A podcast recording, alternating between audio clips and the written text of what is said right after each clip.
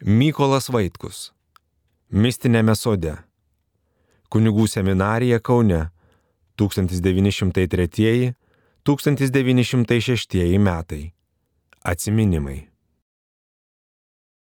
O tuo tarpu seminarijos gyvenimas skubiai bėgo savo vaga į mokslų metų galą. Iš kasdienių smulkmenų norėčiau čia išskirti vieną įdomesnę ir ją atpasakoti. Būtent vyskupo Paliulionio apsilankymą mūsų paskaitose. Gal tai įvyko anksčiau, bet tikrai įvyko. Mes pirmojo kurso klausytojai turėjome ryto metą lotynų kalbos valandą. Diena buvo graži, tikra vyskupinė. Atėjo mūsų profesorius mylimasis Henrikas Laumenskas. Be nepradėjome kažką ten nagrinėti, tik laukia umai pasigirdo kažkoks nepaprastas subrūzdimas. Žvelgėme pro langą, o ten šalia seminarijos įvažiuojamųjų vartų karieta dviem gražiais žirgais, o iš jos poros sutonuotų asmenų padedamas sunkiai lipa senasis ekscelencija, tiksliau sakant, vyskupas Paliulionis ir pradeda lėtą žygį mūsų mūrų link. Na, ne į gerą, juk jis nebereikalo atvyko pamokų metu, o mūsų pirmokų auliukė jam pirmoji pakeliui. Matome, jog ir mažasis mūsų profesorius gyvai susirūpino, kiek išbalo, susinervino, ėmė skubiai žingsniuoti po aulę ir galo pryžos, priejo prie vieno kito geresnio mokinio ir jiems sako, eikite, sėskitės priekiai. Suprantame, ką tai reiškia ir visiškai pritarėme. Persiformavę į kovos eilės įtemptai laukiame, betgi be ypatingo susijaudinimo. Kas mums? Vyskupas mūsų nepažįsta.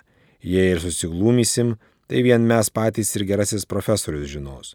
O jis turės atleisti, nes žino, kas tai baimė bei susijaudinimas. Laukiame, bet vis dar tikimės o gal gerasis dievulius praneš audros debesį pro šalį. O antra vertus, lyg ir norėtus tą audrą išgyventi, taip įdomu. Tačiau dievulis atvedė per kūną tiesiai į ramėje mūsų aulę. Ir kaipgi netves, juk čia lotynų kalbos valanda, o vyskupas Palilionis yra didelis lotynų kalbos žinovas, teoretikas ir praktikas.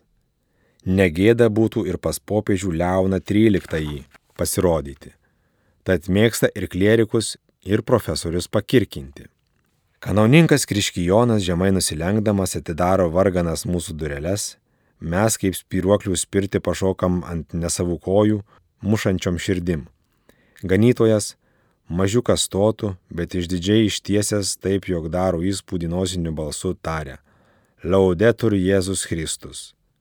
Mes skubiai, nelabai maldingai, nes tokie dalykai tokiu momentu iš galvos besai išgaravę, in saecula saeculorum, kaip kareiviai generolų pasveikinimą. O profesorius smulkiai žingsniukais pribėga prie valdovo, vikriai priklaupė ir tukštį ganytojinį žiedą, atsitiesia ir dabar stipriai išraudęs prašo ekscelenciją sėstis į gelsvąją nuzulusią katedrėlę. Vyskupas nesutinka ir sakosi galys ir vaikščiodamas mus gerai pakamantinėti. Tai mūsų nei kiek nepradžiugina. Ką ten tokį dabar einat, klausia visagalintysis mūsų profesorių, kuris dabar atrodo dar mažesnis nei paprastai. Nebeatsimenu, ką šis anam pasakė. Ir štai vyskupas lotynų kalbos žinovas sėdo į savo žirgiuką ir nusitvėręs profesoriaus nurodyto siūlo galo ėmė laisvai judinėti po lotynų dirvą, vis kuri nors iš mūsų pasikinkydamas valandėliai. Gal šis sykį griežtai nutils ir jokių botagų jo nebeišjudinsi prabilti kad tas garbingasis lautiniškasis siaubūnas būtų laikęsis profesoriaus sudarytosios mūsų pulkelio formacijos ir pradėjęs nuo pirmųjų eilių, kur buvo susodinti mūsų stipresniai lautinistai, kaip va, Šakenis, Šemelevičius, na ir gal dar kas, tai gal vyskui būtų užtekę tų aukų.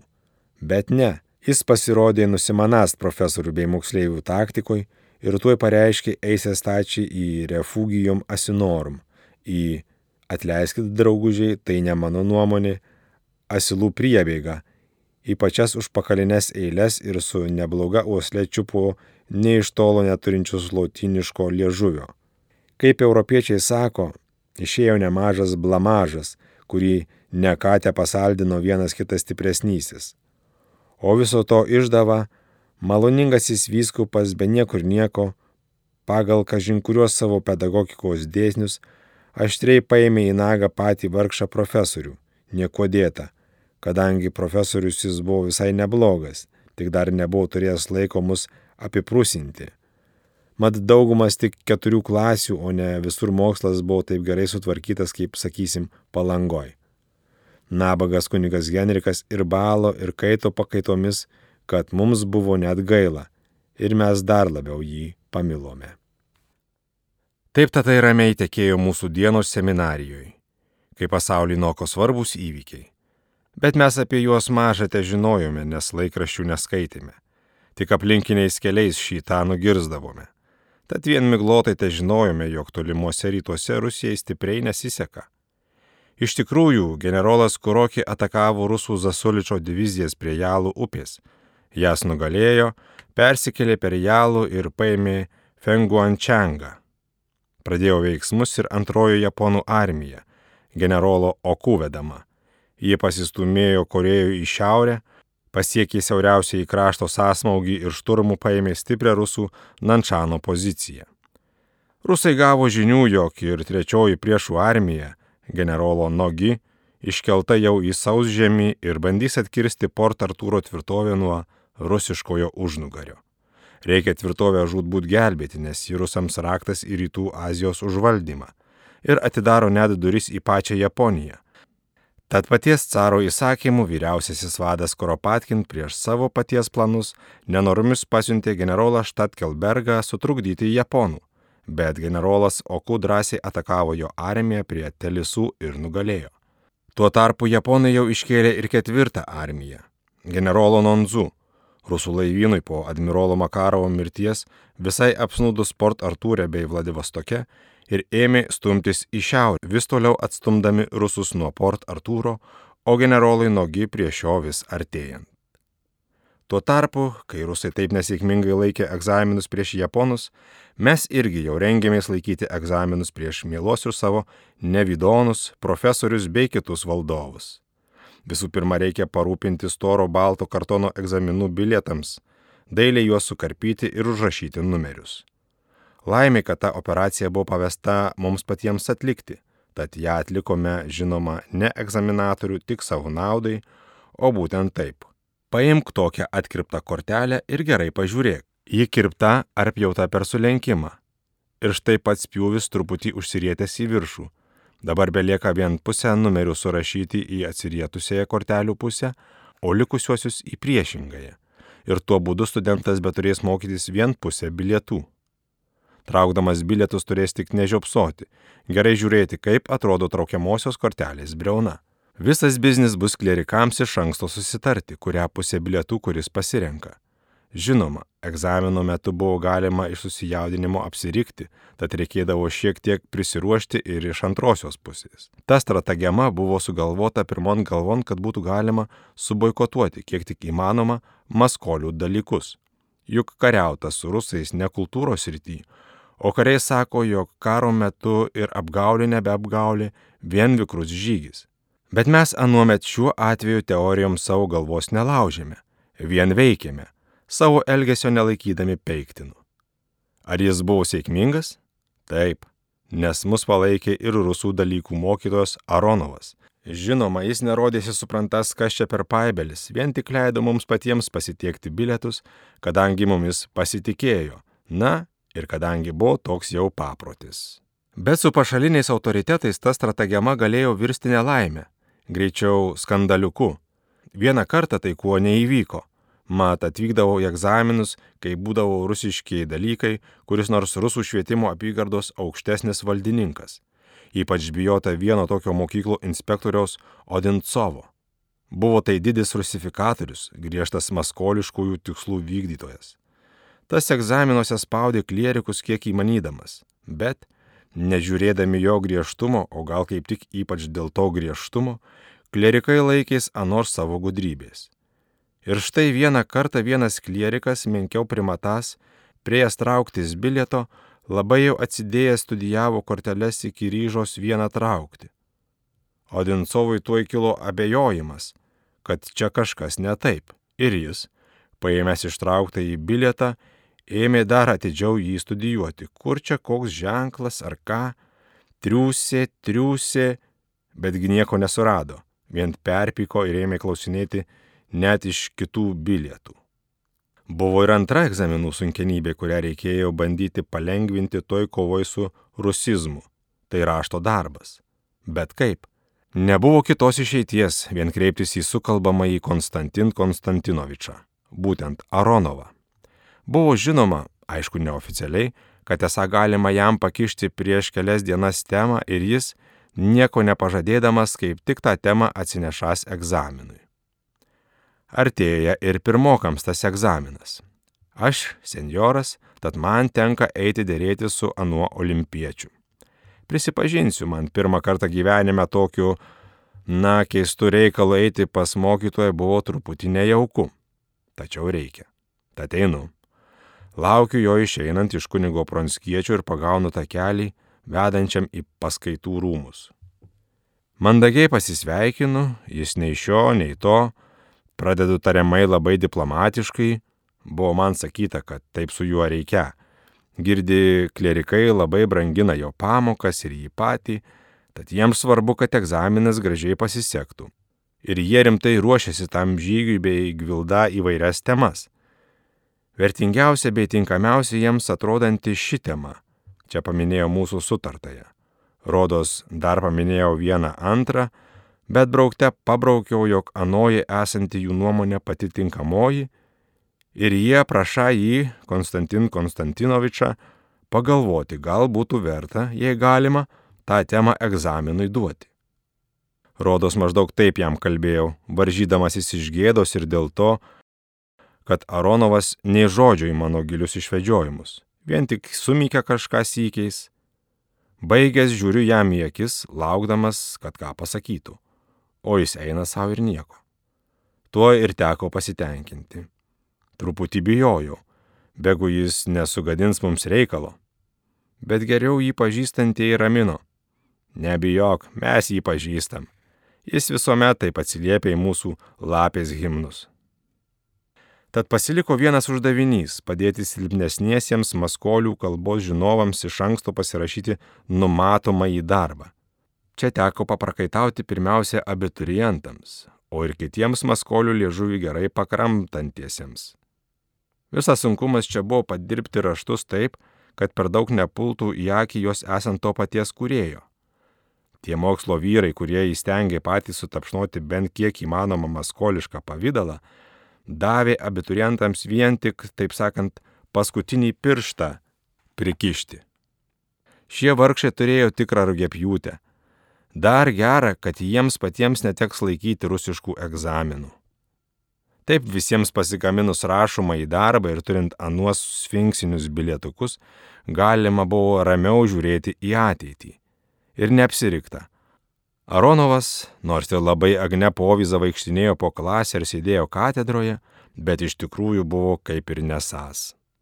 Buvo seminarijoje pastovus paprotis, jog mokslų vargams besibaigiant klerikams būdavo suteikiamas saldus atgovis gegužinių pavydalu.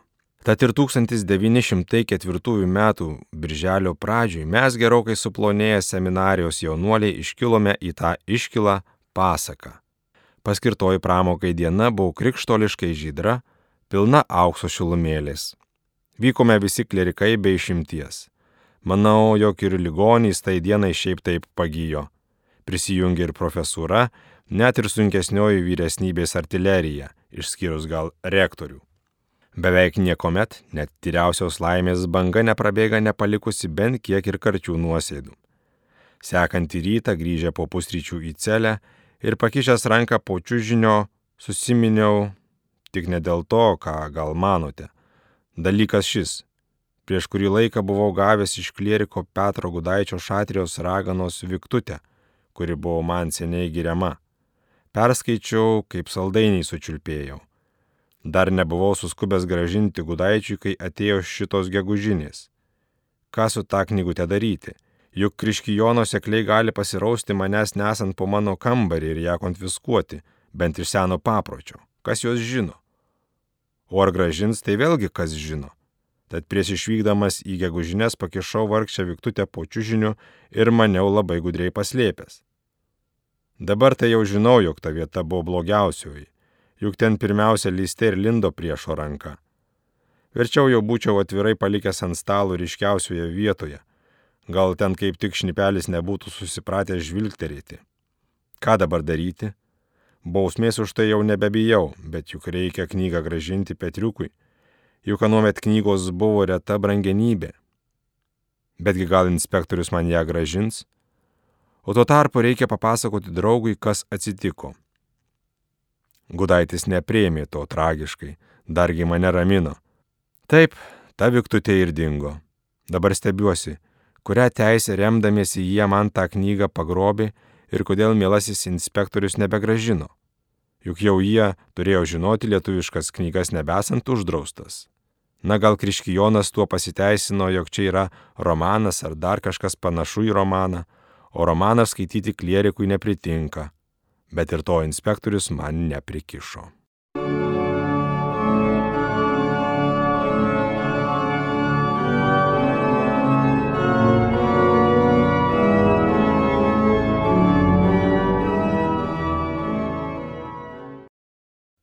Mokslo pjūtis ir atostogų nuotykiai. Tad štai ir pasibaigė pirmojo kurso metai. Rudenį teks kopti aukštyn. Tiesa, kai kas suklupo ir pasiliks pirmajame, bet didelis daugumas persirito. Kai išleidžiamąją dieną į didžiąją aulę sugužėjo visi gyvi ir pusgyviai, kai susirinko profesoriai bei viršininkai ir galų galiai įėjo magnifikas rektorius, lyg kokia neregima dvasia siūptelėjo. Jis katedrai, atsilošęs į senelę, akis nuleidęs, pirštu kažkokias arabeskas ore raitydamas, blankiu balsu be aistriškai išgvaldė metų bėgį ir įvertino apskritas pasiekas. Tuo kart siekė prie lakštų ir ėmė skaityti pakursiui pradėdamas nuo ketvirtojo, kas baigė kursą kum eksimija laudė, kas kum laudė, kas šiaip savo, o kas ir neperšoko griovio.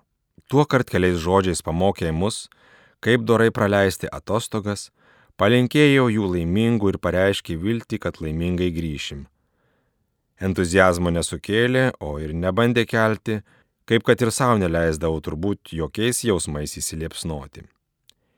Išėjome savimi ir juo patenkinti, jo pakištas mintis kartodami. Ir, žinoma, linksmai čiauškėjome, kaip štai jau dumsim namon atostogų. Tik štai be neseminarijos sekretorius Kinderis prieina ir man praneša, šviesusis rektorius kviečia. Nustebau ir kiek susirūpinau. Ko jis iš manęs nori, nejaugi būčiau kuo nusikaltęs. Vienu mirksniu perbėgau per sąžinę, nieko ten nėra, už ką rektorius turėtų kviestis. Tad einu gana ramiai. Pabarškinau į tas kilnesias duris, veikiai atsiliepė plonas rektoriaus tenorėlis ir įžengiau į nežinomybę bet ji veikiai pavirto dienos šviesa. Po niek bendžia pachvalionai ir nustatytos smulkios nervingos rankos pabučiavimo, rektorius Karosas, kaip paprastai, be jokių aplinkybių stačiai į reikalą. Mes, seminarijos personalas, priejome išvadą, tau nebūsiant ko veikti antrajame kurse, tad nutarėme tave perkelti tiesiog į trečiąjį. Tik atostogų metu pasiskaityk tų dalykų, kuriuos klierikai turi praeiti antrajame. Svarbiausia įvada į švento rašto mokslą ir kitką, kas ten su tuo susiję. O dabar viso gero. O gal šių pastarųjų žodžių rektorius ir visai nepridūrė? Nes išėjau kiek apsvaigęs. Manau, ir nesistebėsit, juk žmogus laimėjo ištisus metus gyvenimo. Vadinasi, su buvusiais savo pirmokais teks visai išsiskirti, bent formaliai. Nebebūsim vieno kurso draugais, nors vis būsim drauge toj siauroj aplinkoj, nors, ko to kart dar negalėjau numatyti, vien kart įsišventinsim kunigais. Kai tenka su kuriais draugais skirtis, net jaunystėje, toje nerūpestingoje, pajuntama kažkoks šviesiai graudus, ilgesingas liūdesys. O po tiek daug metų, kai jie nedraugai ar jau išmirė, ar bent daugiau jų šiame gyvenime nebepamatysi, žmogus juos taip saldžiai ir skaudžiai prisimeni. Paskubomis su kitas kitu atsisveikinę, šviesių vilčių vedami, palikome mieluosius seminarijos rūmus tuščius ir išskridome į pasaulį. Juk tuoj vėl išvysime brangiuosius, kurie mūsų įsilgia laukia, kurių ir mes gardžiai pasilgome. O parapiečiai, o buvusieji mokyklų draugai, kurie nenuėjo su mumis į seminariją. Ei, kiek bus džiaugsmo susitikti, išsikalbėti, praeitį bendrai prisiminti. Tolimuose rytuose įvykiai vystėsi vis nepalankesnė rusų meškai kryptimi. Liepos mėnesį trečioji japonų armija, generolo nugyvedama, įvarė plaištą tarp pagrindinių rusų jėgų ir tų, kur operavo Kvantungo pusęsalį ir turėjo ginti be galo svarbę abiem Port Artūro tvirtovę bei uostą, kuriame buvo užsklestas rusų laivynas. Buvo aišku, jog japonai pasistengs kuo greičiausiai tvirtovę paimti, kol rusai net gabeno dar daugiau laivų ir kareivių. O kitos trys japonų armijos, maršalo Oijamos vedamos, ėmė kaskart stipriau spausti Kuropatkiną šiaurės link. Prakišęs keletą mažesnių mūšių, šis pasitraukė į labai sustiprintą Liao Yang frontą. Japonai atsekė paskui. Įvyko svarbus mūšis, kurį rusai vėl pralaimėjo ir generolas Kuropatkinas pasitraukė į Mandžūrijos sostinės Mugden frontą. Atsitraukė sėkmingai, nes galėjo būti ir daug liūdniau. Mes čia juos besistumdančius paliksim ir grįšim į savo gražiąją žemaityją. Tų atostogų metu vienas maloniausiųjų man dalykų būdavo su vikaru ar klebonu nuvykti kur į kaimininę parapiją į atlaidų talką. Mes klirikai sumai sudarydavome gražią asistą, kas žmonėms, o ir mums patiems labai patikdavo. Nepaprastai įdomu buvo pamatyti naujas vietas, susipažinti su naujais žmonėmis. Vietiniai kunigai buvo labai palankus klerikams ir juos vaišindavo lygiomis su kitais kunigais. Išvakarėse pasibaigus pamaldoms būdavo puikia vakarienė, o po jos kiek šnekų, kiek dainų. Iš tos vasaros dvasiškųjų talkų ypač atsimenu vienus atlaidus kaimininiai Vėviržėnų parapijoje. Klebonų tuo metu buvo ten kunigas Tamulevičius, baigęs gimnaziją, nes gimnaziją baigti reikėdavo ne vien nemažą lėšų, bet ir gerokos galvos. Mat ir gimnazijos anuomet buvo aukštoko standarto ir rusai gerai šukuodavo mokinius, nenorėdami, kad daug inorotsų svetimtaučių įsilietų į pakraščių šviesuomenę. Ta Tamulevičių vikarai labai girdavo, esas tikrai duše visais atžvilgiais. Atlaidų dieną po gausingų bei skanių pietų teko arčiau pasitrinioti aplink labai įdomų tipą Cezarą Jačinovskį, riebios rietavo parapijos kleboną, turėjusi nelengvų reikalų su garsiuoju kunigaikščiu Bagdono Oginskiu, apie kurį piktieji liežuviai kalbėdavo, jis esas natūralus rusų imperatoriaus Aleksandro antrojo sūnus, jogi esas ir labai į jį panašus. Mat, caras kilnė savo meilytę reikiamų laikų pakišęs žmoną kunigaikščiui Oginskiui. Tas kunigaikštis buvo didelis originalas. Jis dėjosi gerai žinas pamaldų bei apieigų tvarką bei nuostatus. Ir ne jokais žinojo. Tad kunigai laikykitės. Jei ne, tuoj pasišaukęs išbars ir pamokys. Betgi kunigų jis šiaip jau neskriaudė. Su karštuoliu Jačinovskiu ir karštuoliu kunigaikščiu nebuvo jokai. Plienas plieną kerta, kibirkštys tyška. Tas tatai Jačinovskis po šių gausių pietų ėmės mums jauniesiems parodyti, kokių šaunių dainų pasaulyje esama ir kaip jos dainuojama. Jis jau anksčiau pranešė, na vyrai, uždainuosime kaip pridera ukrainiečių grečanikį. Vien dūmai rūks. Susirinkome visi, ratu jį apstojome, o jis vidury.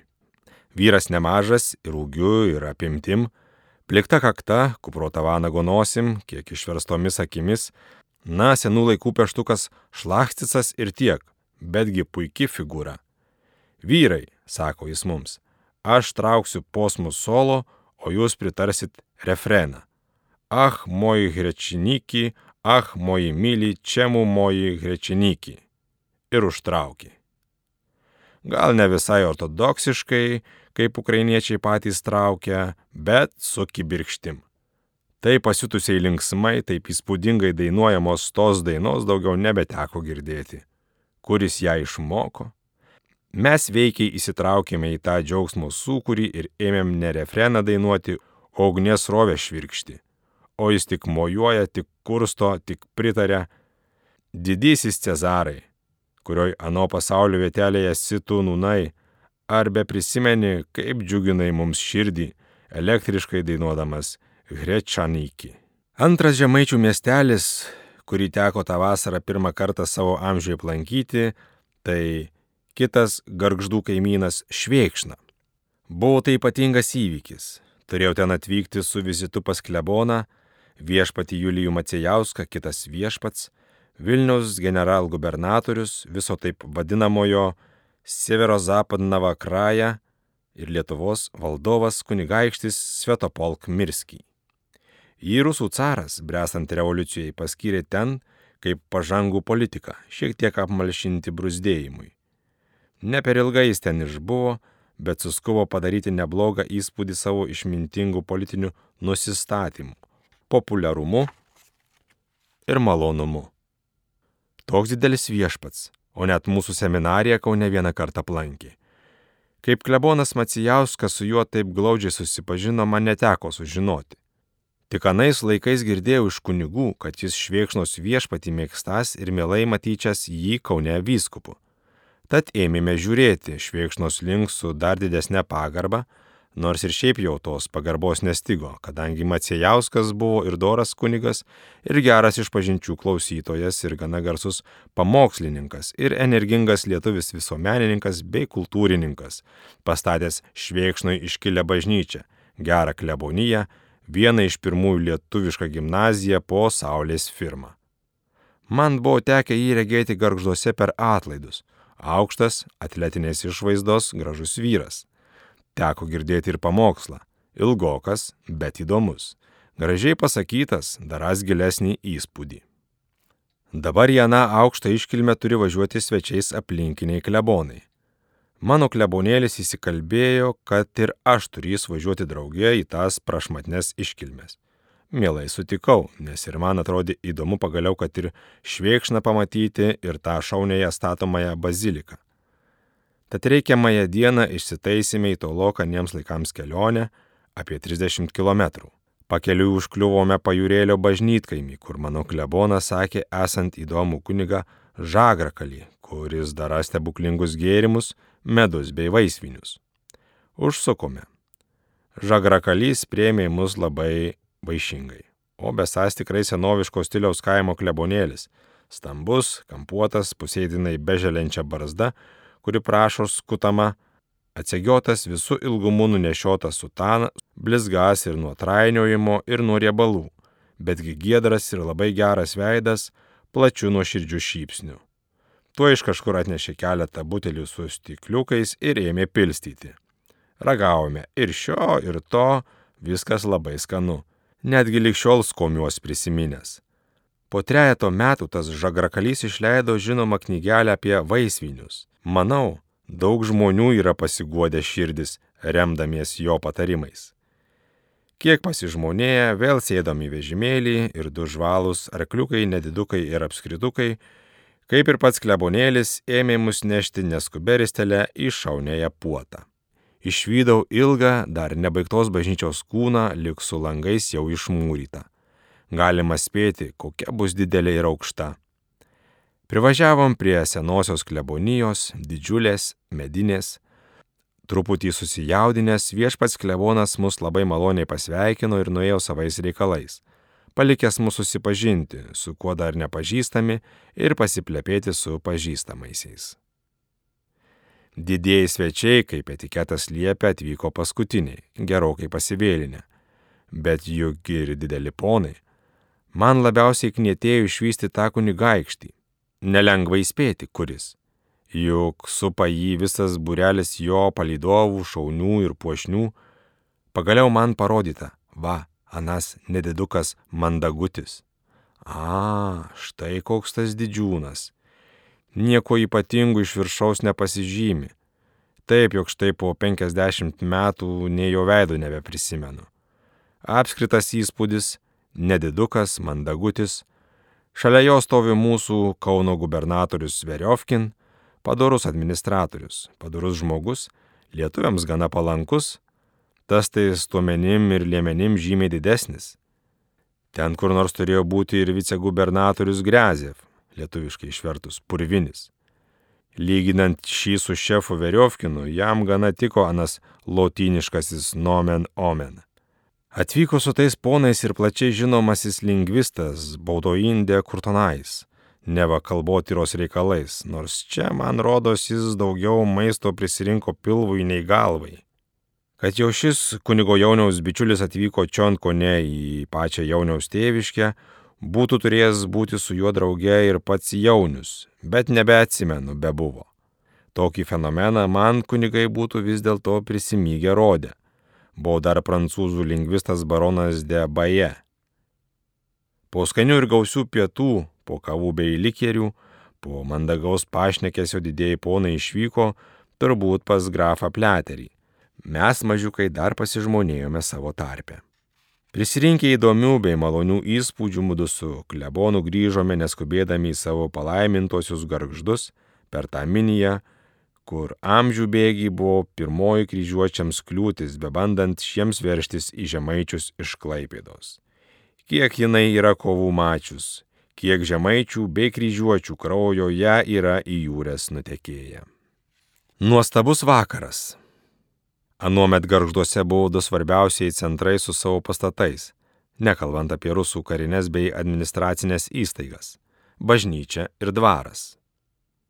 Dievo rūmai buvo kuklūs, mediniai, karalienės Onos XVI amžiuje pastatyti, vienkart su senaja palangos bažnytėle, tokio pat stiliaus ir dydžio. Aukštai viršui slėnio, auksmingam šventoriui, apaugusiam šimtmečiais klevais, Ji gana gracingai atrodė su savo daile bone vidury stogo ir mažesnė bonelė viršui fronto. Šventoriaus kertėjai, pačioj gražiojoje vietoj, kur atsiveria pats didingasis žvilgsnis į minijos slėnį, grakščiai glūdi balta dorinio stiliaus koplyčia, kurie turėjo būti laidojami ar jau buvo palaidoti baronų Roene ir grafų Melžinskių šeimos nariai. Tos šeimos buvo susigiminiavusios. Ta koplytėlė Iš visų pusių žiūrint atrodė tokia kukli, gracinga, nekalta lyg nuotaka. Aš mėgdavau šalia jos atsistoti ir į platų tolį susimastęs įsiveisdėti, arba ties durimis atsistojęs skaityti juodoj marmuriniai lentoj šalia durų aukso raidėmis įrašyta. Vadinasi, čia ilsis nemažo pono kūnas. Mažas būdamas, aš jį matydavau šventadieniais ateinant su ponė ir šeimos nariais į bažnyčią, ir melžiantis šeimos klauptę dešiniai altoriaus pusėje presbiterijoje. Jis eidavo lasda pasiramščiuodamas, truputį palinkęs, bet stengdamasis laikytis tiesiai. Skrybėliuota virpančia galva ant ilgo lieso kaklo priekin ištiesęs, kojomis netvirtai remdamas žemę. Šalia jo didingai žingsniuodavo puikia ponia baronienė, primo fotografienė Krasickienė, o iš namų kunigaikštytė Oginskaitė jaunystėje matyti buvusi tikra gražuolė. Anoj koplytėlėje keliais metais anksčiau barono buvo palaidotas grafas Melžinskis. Kartais nueidavo prie koplytėlės galo pažiūrėti pro langelį į rūsį. Ten tie puošnus grabai, apkrauti įmantriais metalinių gėlių bei lapų vainikais, o ir tikrų, gyvų gėlių, bet, kaip simboliška, jau nuvytusių. Ir gulės jie, tie mirusieji, čia tyliai tyliai, gal ilgus metus, iš pradžių dar kai kurių gyvųjų minimi, o paskiau visai pamiršti. Žmonės gal bet mins vien tiek, čia palaidoti kažkokie ponai. Tiesa, bus anoj lentoje įrašyti jų vardai, bet ką jie ateinančioms kartoms be pasakys. Sits transit gloria mundi.